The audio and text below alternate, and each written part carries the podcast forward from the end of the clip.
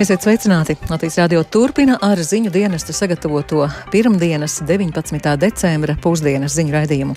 Ar to studijā pārslas saktiņa. Un vispirms īsi ieskats raidījuma tematos. Eksperti brīdina, ka Putins varētu mēģināt ievilkt Baltkrieviju arī sauszemes operācijā pret Ukrainu. Моє враження, що вони Mani novērojumi ir tādi, ka viņi mēģina atklāt mūsu pretgaisa aizsardzības punktus un aplido tos, kurus zina. Viņi arī zina, ka mums ir mobilie pretgaisa aizsardzības punkti dronu notriekšanai. Mainīsies spēku samērs un vadība vairākās saimas komisijās. Gadījumā, ja veidosies problēmas, tad vienmēr pastāv iespēja pārdalīt eh, deputātus no vienas komisijas uz citu. Bet Rīgā par iesniegušām mašīnām var tikt pie 350 eiro soda.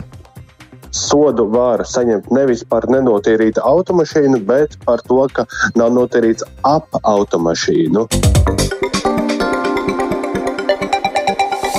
Krievijas prezidents Vladimirs Putins šodien pirmo reizi trīs ar pus gadu laikā kopā ar plašu valdības delegāciju ieradīsies Baltkrievijā. Sarunu uzmanības centrā ir jautājumi par sadarbību Savienības valstu ietvaros, taču militārie eksperti brīdina, ka Putins varētu mēģināt ievilkt Baltkrieviju arī sauszemes operācijā pret Ukrainu. Tikmēr Ukraina šorīt piedzīvojas kārtējo dronu pašnāvnieku uzlidojumu. Vairāk stāstuģis Lībietis. Krievijas prezidenta Vladimira Putina vizīte Baltkrievijā ir izraisījusi pastiprinātu Ukrainas uzmanību, un jau vakar pie prezidenta Zelenska pulcējās militārās vadības pārstāvi, lai cits starpā apspriestu bruņoto grupējumu skaitlisko pieaugumu Baltkrievijā un situāciju uz robežām. Ukrainas vadība norāda, lai kā arī Krievija mēģinātu Baltkrieviju vēl aktīvāk iesaistīt tās karā pret Ukrainu, šādi mēģinājumi galu galā cietīs neveiksmi, un Ukrainas bruņotie spēki ir gatavi jebkuram scenārijam. Pagājušā nakts kārtējo reizi pierādījusi, ka Ukraiņas pretgaisa aizsardzības spēki spēj strādāt ļoti efektīvi. Ukraiņas virzienā no Krievijas tika palaista aptuveni 30 droni, no kuriem lielākā daļa tika notriekta. Aptuveni 20 no šiem droniem tika raidīti arī galvaspilsētas Kijavas virzienā. Vismaz desmit bezpilota lidaprāti notriekt virs Mikolājevas apgabala, taču uzlidojuma sākumā apgabala administrācijas vadītājs Vitālijs Kims pauda satraukumu, kāpēc laikus nav iedarbojusies gaisa trauksme. Jau šorīt intervijā vienotajam Ukraiņas ziņu maratonam Kims norādīja, ka arī šo bezpilota lidaprātu palaišanām Krievijas spēki ir mainījuši savu taktiku. моє враження, що вони намагаються вирахувати наше ППО. Mani novērojumi ir tādi, ka viņi mēģina atklāt mūsu pretgaisa aizsardzības punktus un aplido tos, kurus zina. Viņi arī zina, ka mums ir mobilie pretgaisa aizsardzības punkti dronu notriekšanai, taču tas jau ir militārais jautājums. Runājot par šo dronu notriekšanu, ir jāatzīst, ka pēdējā laikā daudzus no viņiem mēs vairs nevaram saukt par mopēdiem, jo liela daļa tagad jau lido ar trokšņa slāpētājiem. Вони зараз йдуть з глушниками, деякі з них. Pēdējo dienu uzlidojumi kārtībā reizi ir aktualizējuši jautājumu par nepieciešamību piegādāt Ukrainai pretgaisa aizsardzības iekārtas un vēlams arī lidmašīnas. Lai arī Ukrainas prezidents Valdimirs Zelenskis ir izteicies, ka sarunās ar ASV prezidentu Joe Bidenu par sistēmu Patriot piešķiršanu Ukrainai ir panācis progress, amatpersonas atzīst, ka šis process tomēr ir lēns. Kā atzīst ar ārvalstu palīdzību atbildīgā Aleksandra Ustīnova, grūtības ir arī ar jau esošo sistēmu apgādi ar munīciju. Системами ПВО трошки важче, тому що я ж кажу, їх небагато. Ar pretgaisa aizsardzības iekārtām situācija patiesībā ir diezgan bērīga, jo to nemaz pasaulē nav tik daudz, un noliktavas ir tukšas. Daudzi saprot, ka Ukrainai patiesībā būtu nepieciešama aizsardzības sistēma, dzels kupols, vai pareizāk sakot, gan viens, gan otrs. Taču vēl viena problēma ir munīcija šīm sistēmām. Ja mēs runājam par vecajām sistēmām S-300, mēs jau tagad pa visu pasauli meklējam, kurš šādus lādiņus nopirkt. Vienlaikus eksperti uzsver, lai arī bieži vien tiek minēts, ka raķešu un lādiņu resursi izsīkst arī Krievijai, pārlieku lielam optimismam pamata nav, jo pašreizējā Krievijas vadība šajā karā nežēlo ne cilvēku resursus, ne naudu. Taču arī fakts, ka Krievijas prezidents Vladimirs Putins šoreiz tomēr dodas tieši pie Aleksandra Lukašenko, varētu liecināt, ka situācija nav nemaz tik rožaina arī Krievijas vadībai. Uģis Lībijams, Latvijas Radio! Bet Rīgā šodien norisinās apvienoto reaģēšanas spēku valstu un valdību vadītāju sanāksme. Vairāk valstu līderi pārunās Krievijas agresīvo karu Ukrainā un no tā izrietošās izmaiņas drošības situācijā. Samita norises vietā Latvijas Nacionālajā bibliotekā atrodas arī Rihards Plūme, ar kuru šobrīd esam sazinājušies. Sveiks, Rihard! Pastāsti lūdzu sīkāk, kas šodien norisinās Nacionālajā bibliotekā. Jā, labdien, Latvijas radio klausītāji. Tikko jau uh, ieradušies uh, daudz valstu uh, valdību vadītāji, līderi uz šodien notiekošo sanāksmu Latvijas Nacionālajā bibliotēkā un drīz arī gaidāms kopīgs foto. Bet uh, sākumā par to, kas tad uh, ir šī sanāksme. Šodien uh, Rīgā pulcējas apvienoto reaģēšanas spēku valstu valdību vadītāji un Šī ir līdzīga domājoša valstu koalīcija, kas ietver augstas gatavības spēkus ātrai reaģēšanai uz krīzēm, gan uz ziemeļos, gan ziemeļa Eiropā. Un uh, memorands par apvienoto reaģēšanas spēku aliansi tika parakstīts pēc NATO valsts samita pirms vairāk nekā pieciem gadiem, un uh, reaģējot uz Krievijas plašo iebrukumu Ukrainā jau šī gada 24. februārī pirmā šo valstu un valdību vadītāju sanāksme norisinājās virtuāli jau 25. februārī, bet otra šāda sanāksme jau klātienē šī gada 15. martā norisinājās, un tā to organizēja Lielbritānijas premjerministrs toreiz Boris Džonsons, un tā notika Londonā. Nu, šoreiz trešo sanāksmu organizēja Latvija, un Rīgā šodien ieradušies deviņu valstu līderi vai valdību pārstāvji. Klātesoši būs Un jau ir gan Lielbritānijas premjeras Rišīs Sunaks, arī Lietuvas un Somijas prezidenti, tāpat arī Dānijas un Nīderlandes aizsardzības ministri, eh, arī Igaunijas, Islandes, Norvēģijas un Zviedrijas premjeri.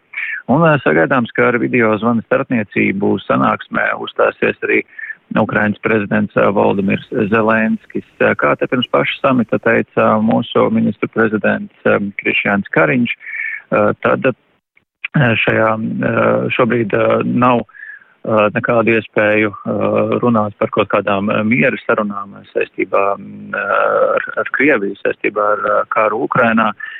Šobrīd joprojām ir jādara viss nepieciešamais, lai dažādos veidos atbalstītu Ukrainu un Ukrainai ir jānorāda tas, kas tad ir nepieciešams un valstīm ir jācenšas šīs vajadzības arī iespējami maksimāli nodrošināt. Rihard, ko mēs varam sagaidīt no šī samita? Eh, sanāksme šodien plānots pārunāt, eh, protams, šo te Krievijas eh, agresīvo karu Ukrainā un no tā izrietošās arī izmaiņas drošības situācijā gan Ziemeļatlantijas, gan Baltijas jūras, gan Arktikas reģionos. Un īpaši tiks pievērst uzmanību sanāksmes biedru sadarbībai tālākas palīdzības sniegšanā Ukrainai, tās cīņā pret Krieviju un arī pasākumiem reģionālās drošības vidas uzlabošanai. Um, notiks arī dažādas divpusējas tikšanās, piemēram, ministrs prezidentam Krišānam Kariņam ir plānotas uh, divpusējās tikšanās, zinām, Lielbritānijas, Islandes, Zviedrijas un Norvēģijas uh, premjeriem. Un pirms sanāksmes ir izskanējis, ka Lielbritānijas premjeras uh, arī šīs Sunaks savas vizītes laikā Rīgā plāno paziņot par jaunu militāro palīdzību Ukrainai. To ir paziņojis Sunaka birojas vēl pirms sanāksmes. Un sagaidāms, ka Lielbritānijas premjeras aicinās līderus arī nākamgad palīdzēt Ukrainai tikpat daudz, cik tas ir darīts šogad vai pat vēl vairāk. Viņš arī paziņos, ka Lielbritānija nākamgad iegādās Ukrainai simtiem tūkstošu artilērijas lādiņu saskaņā ar daudz miljonu mārciņu līgumu, kas nodrošinās pastāvīgu kritiskās artilērijas munīcijas plūsmu uz Ukrainu visu nākamo gadu. Uh, un Lielbritānija, kā zināms, ir bijusi līderis sniedzot Ukrainai aizsardzības palīdzību, tā skaitā nosaucot dažādas raķešu palaišanas sistēmas, nesen arī 125 pretgaisa aizsardzības ieročus. Uh, par to, kas tad tieši runāts samitā, arī divpusējās tikšanās, kādi paziņojumi izskanējuši par to visu ziņošu vakarā ziņās. Pagaidām tas arī viss, kas man stāstām šim rīdim. Paldies! No samita nožas vietas ziņoja Rihards Plūme. Pēc valdības izveidošanas un 14 jaunu saimnes deputātu pilnvaru apstiprināšanas mainīsies spēku samērs būtiskākajās parlamenta komisijās. Vienlaikus mainīsies arī vairāku saimnes komisiju vadība. Pēc šīs nedēļas saimnes deputāti gan dosies ziemas pārtraukumā un sēdes atsāksies tikai 10. janvārī. Vairāk Jāņa Kīņša sagatavotajā ierakstā. Topošās valdības veidotāju centieni izveidot enerģētikas un klimata ministriju un atsevišķu jomu pārvaldībā pieaicināt trīs ministru biedrus divas reizes saskārās ar saimnes juridiskās komisijas noraidījumu. Tas tāpēc, ka šajā komisijā līdz šim vairākums bija saimnes opozīcijai.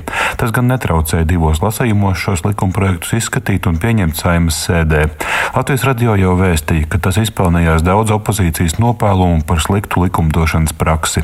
Decembra sākumā intervijā raidījumā krustpunktā šo situāciju ar neizpratni vērtēja arī bijušais politiķis ar ilgu pieredzi parlamentā Andrejs Panteļējevs. Kā var pieļaut, ka galvenajā komisijā, saimā, galvenajā likumdošanas komisijā, juridiskajā koalīcijā nav vairākuma. Tagad ir tā atgādnā situācija, komisija noraida. Un tad tas virzās uz saimu. Tagad tur sākās jau interpretācijas, ka tas tā kā ir pretī kārtības rulim, ka uz saimu var iet tikai uh, tie, kas komisijā atbalstīja. Bet man liekas, tas nav pareizi, jo tad neviens opozīcijas likums nevarētu aiziet. Bet šo es nesaprotu, jo ļoti daudz labas idejas jau var nogremdēt vienkārši nu, kaut kādā procesuālā kārtībā viņas uh, nepārtraukti bremzējot. Uzreiz pēc jaunās valdības apstiprināšanas notika izmaiņas arī parlamentā, kurā uz ministru pilnvaru laiku mandātu ieguva 14 deputāti. Līdz ar to sāktas izmaiņas vairāku saimnes komisiju sastāvā. Pagājušajā nedēļā no juridiskās komisijas atsauca opozīcijā esošo progresīvo frakcijas deputātu Atišu Vinku, kurš turpmāk darbosies aizsardzības komisijā. Taču vienlaikus juridiskajā komisijā nostiprināt koalīcijas pozīcijas plāno arī apvienotā saraksta frakcija, stāsta tās vadītāja vietnieks Juris Viļums. Par juridisko es teikšu uzreiz vienkārši, ka es arī runāju ar kolēģiem, kā frakcijas vadītāja vietnieces, arī meklēju iespējas, ka varbūt mēs te varētu deleģēt arī otru pārstāvu. Juridiskā komisija ir svarīga. Tur gan arī jāskatās, kā opozīcija sastāvs mainās gan juridiskajā komisijā, gan citās, tad arī mainās spēku samērs. Šonadēļ plānots īstenot vēl vairākas izmaiņas saimnes komisijas sastāvā. Nesasteigta deputātu pārcelšana no komisijas uz komisiju izvēlas Nacionālā apvienība, stāsta tās pārstāvis Jānis Dombrava. Mēs skatīsimies, kā tas darbs noritēs. Opozīcija ir piedāvājusi, ka būs ļoti produktīva, lietišķa un tam līdzīga problēmām nevajadzētu būt, bet uh, gadījumā, ja veidosies problēmas, tad vienmēr pastāv iespēja pārdalīt uh, deputātus no vienas komisijas uz citu. Izmaiņas notiek un nu, tādas ļoti straujas uh, mētāšanās no vienas komisijas uz otru, manuprāt, arī būtu tāda neproduktīva pieeja. Līdz ar 14 deputātu pāriešanu darbā jaunajā valdībā izmaiņas būs arī vairāku saimas komisiju vadībā. Jānis Dombrava saimas Nacionālās drošības komisijā nomainījis par aizsardzības ministru kļuvušo Ināru Mūrnieci. Trīs politisko spēku koalīcijai tajā nav un nebūs vairākumi, jo šajā komisijā katra no septiņām saimas frakcijām ir pārstāvēta ar vienu deputātu. Taču Dombrava to neuzskata par būtiskāko problēmu. Nu, nav, protams, skaidrs, vai, piemēram, šobrīd visi izvirzītie deputāti darbam šajā komisijā saņems pielaidu valsts noslēpumam, kā arī nav skaidrs, cik drīz viņi saņems, vai tas būs tuvāko nedēļu laikā vai pēc vairākiem mēnešiem, un tas tiešā veidā, protams, arī atstās iespaidu uz komisijas darbu. Dombrava neslēpj, ka kandidēs vadīt Nacionālās drošības komisiju. Viņš bijis vienīgais savas frakcijas kandidāts darbam šajā komisijā. Vienlaikus līdz ar izmaiņām saimas sastāvā par budžeta komisijas vadītāju kļuvis bijušais finanšu ministrs Jānis Rērs no jaunās vienotības. Viņš kādreiz jau vadījis šo komisiju. Tāpat izmaiņas būs saimas cilvēktiesību un sabiedrisko lietu komisijā, kuras vadība uzticēta apvienotajam sarakstam. Šajā komisijā zemkopības ministra Digita Šmita vietā ievēlēta juriste un bijusī Rīgas domas deputāte Ieva Branta, kur iespējams arī varētu uzņemties šīs komisijas vadību. Jānis Kincis, Latvijas Radio.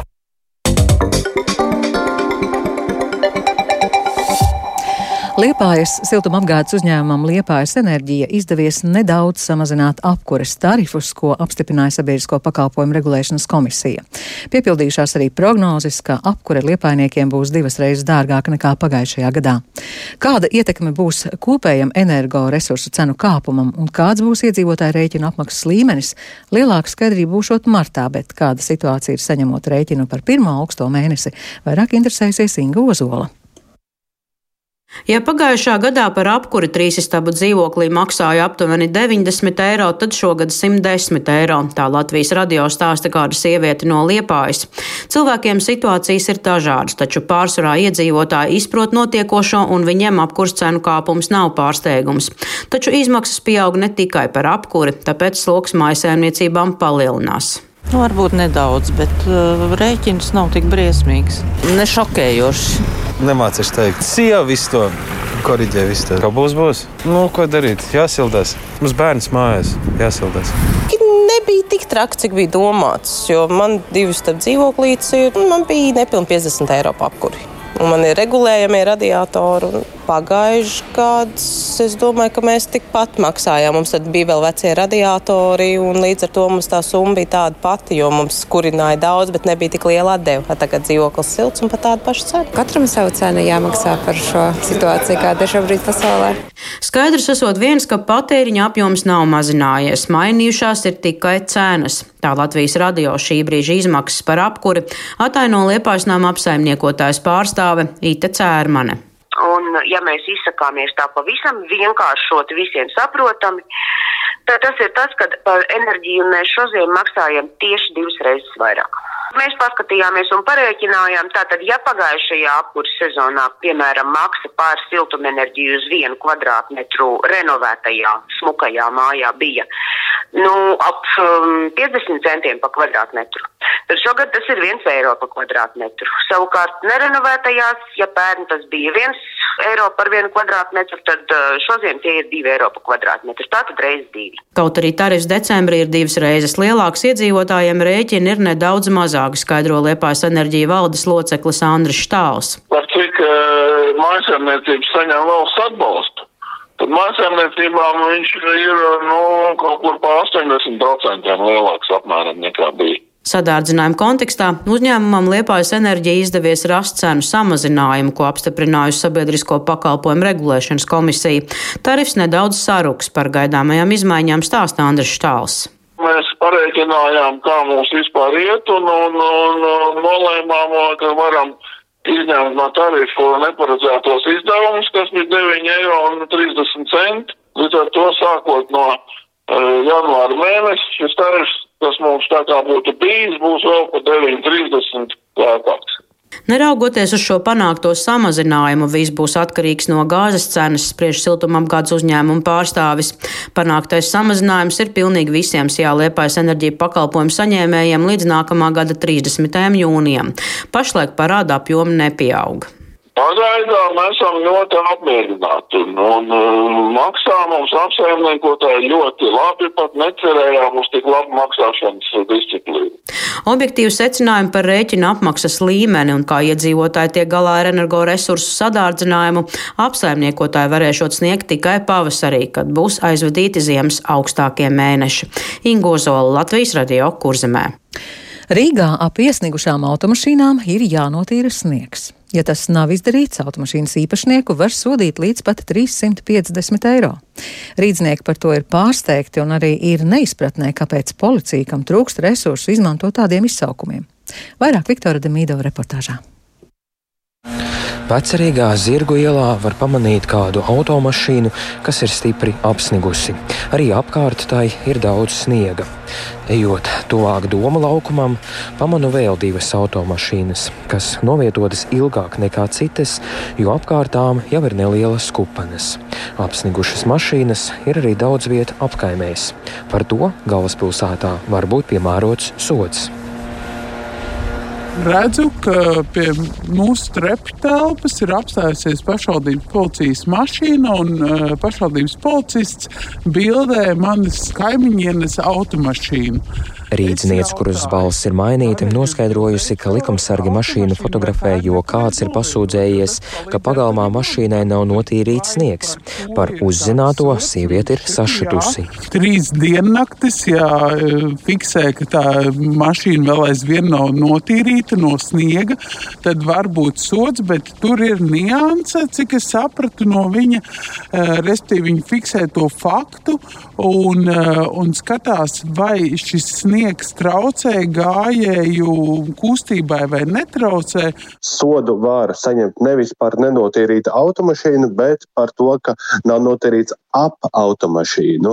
Rīgas pašvaldības policijas pārstāvis Toms Sadovskis norāda, ka tāda kārtība pilsētā ir jau vairākus gadus. Sniegs ap savu automašīnu jānotīra, ja spēkratu uz ielas vai pagalmā atstāja ilgāk par trim diennaktīm.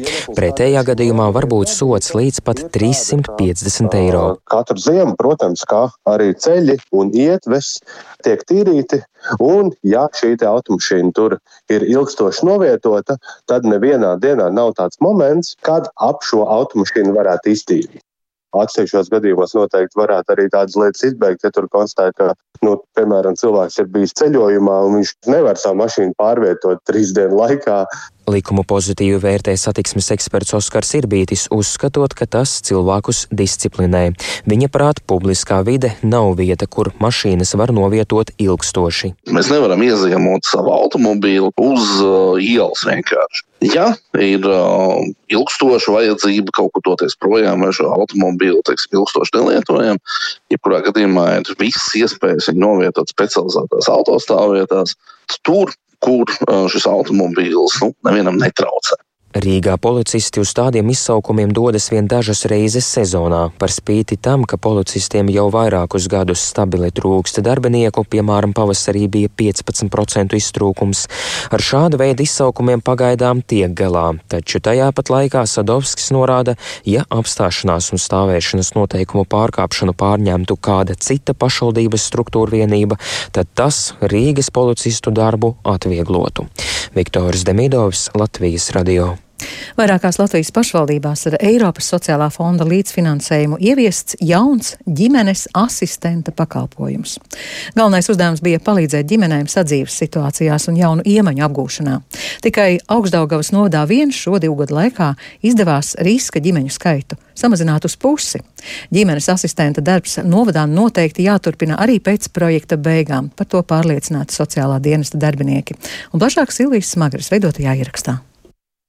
Pirms diviem gadiem Augstdāgavas novadā darbu sāka divi ģimenes asistenti, pa vienam toreizējos Dāngāpils un Ilūksas novados. Kā prioritāte tās bija ģimenes, kurām tiešām bija sociāls risks un diezgan liels. Bija pirms tam jau bāriņtiesas vizītes. Kā stāsta Augstdāgavas novada sociālā dienesta vadītā Anna Jagareva, uz to mirkli novadā tika apzinātas pat vairāk nekā simts ģimenes ar bērniem, kurās sociāla darbinieki manīja riska pazīmes. Sanāca tā, ka mēs šos 15 15 ģimenes izglābām no bērnu izņemšanas.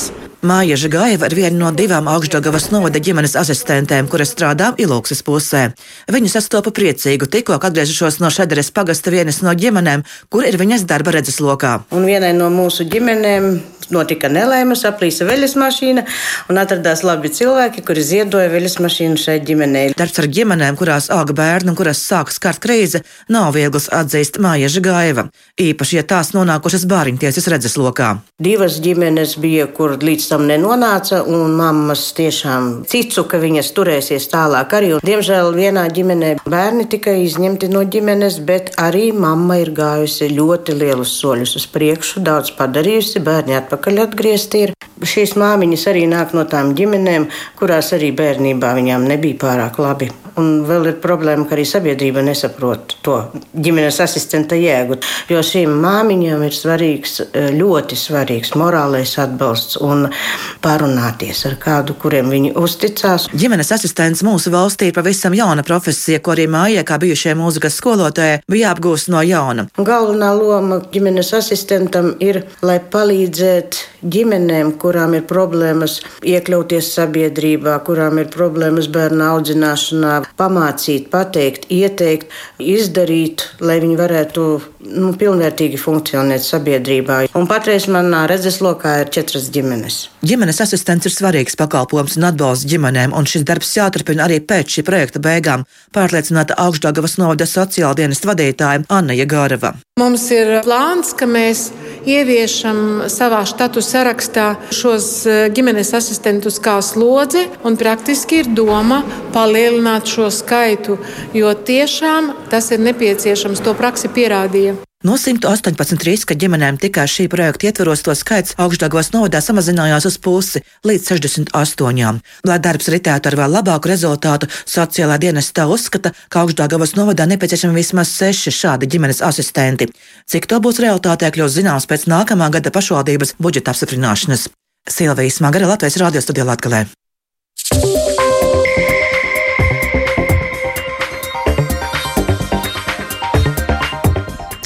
Un ar to izskan pusdienas ziņu raidījums. Producents Edgars Kupčs, ierakstus montēja Uldis Grīnbergs, par labskaņu rūpējās Rīta Karneča, ar jums runāja Pārslas Saktiņa. Vēl īsi par svarīgāko.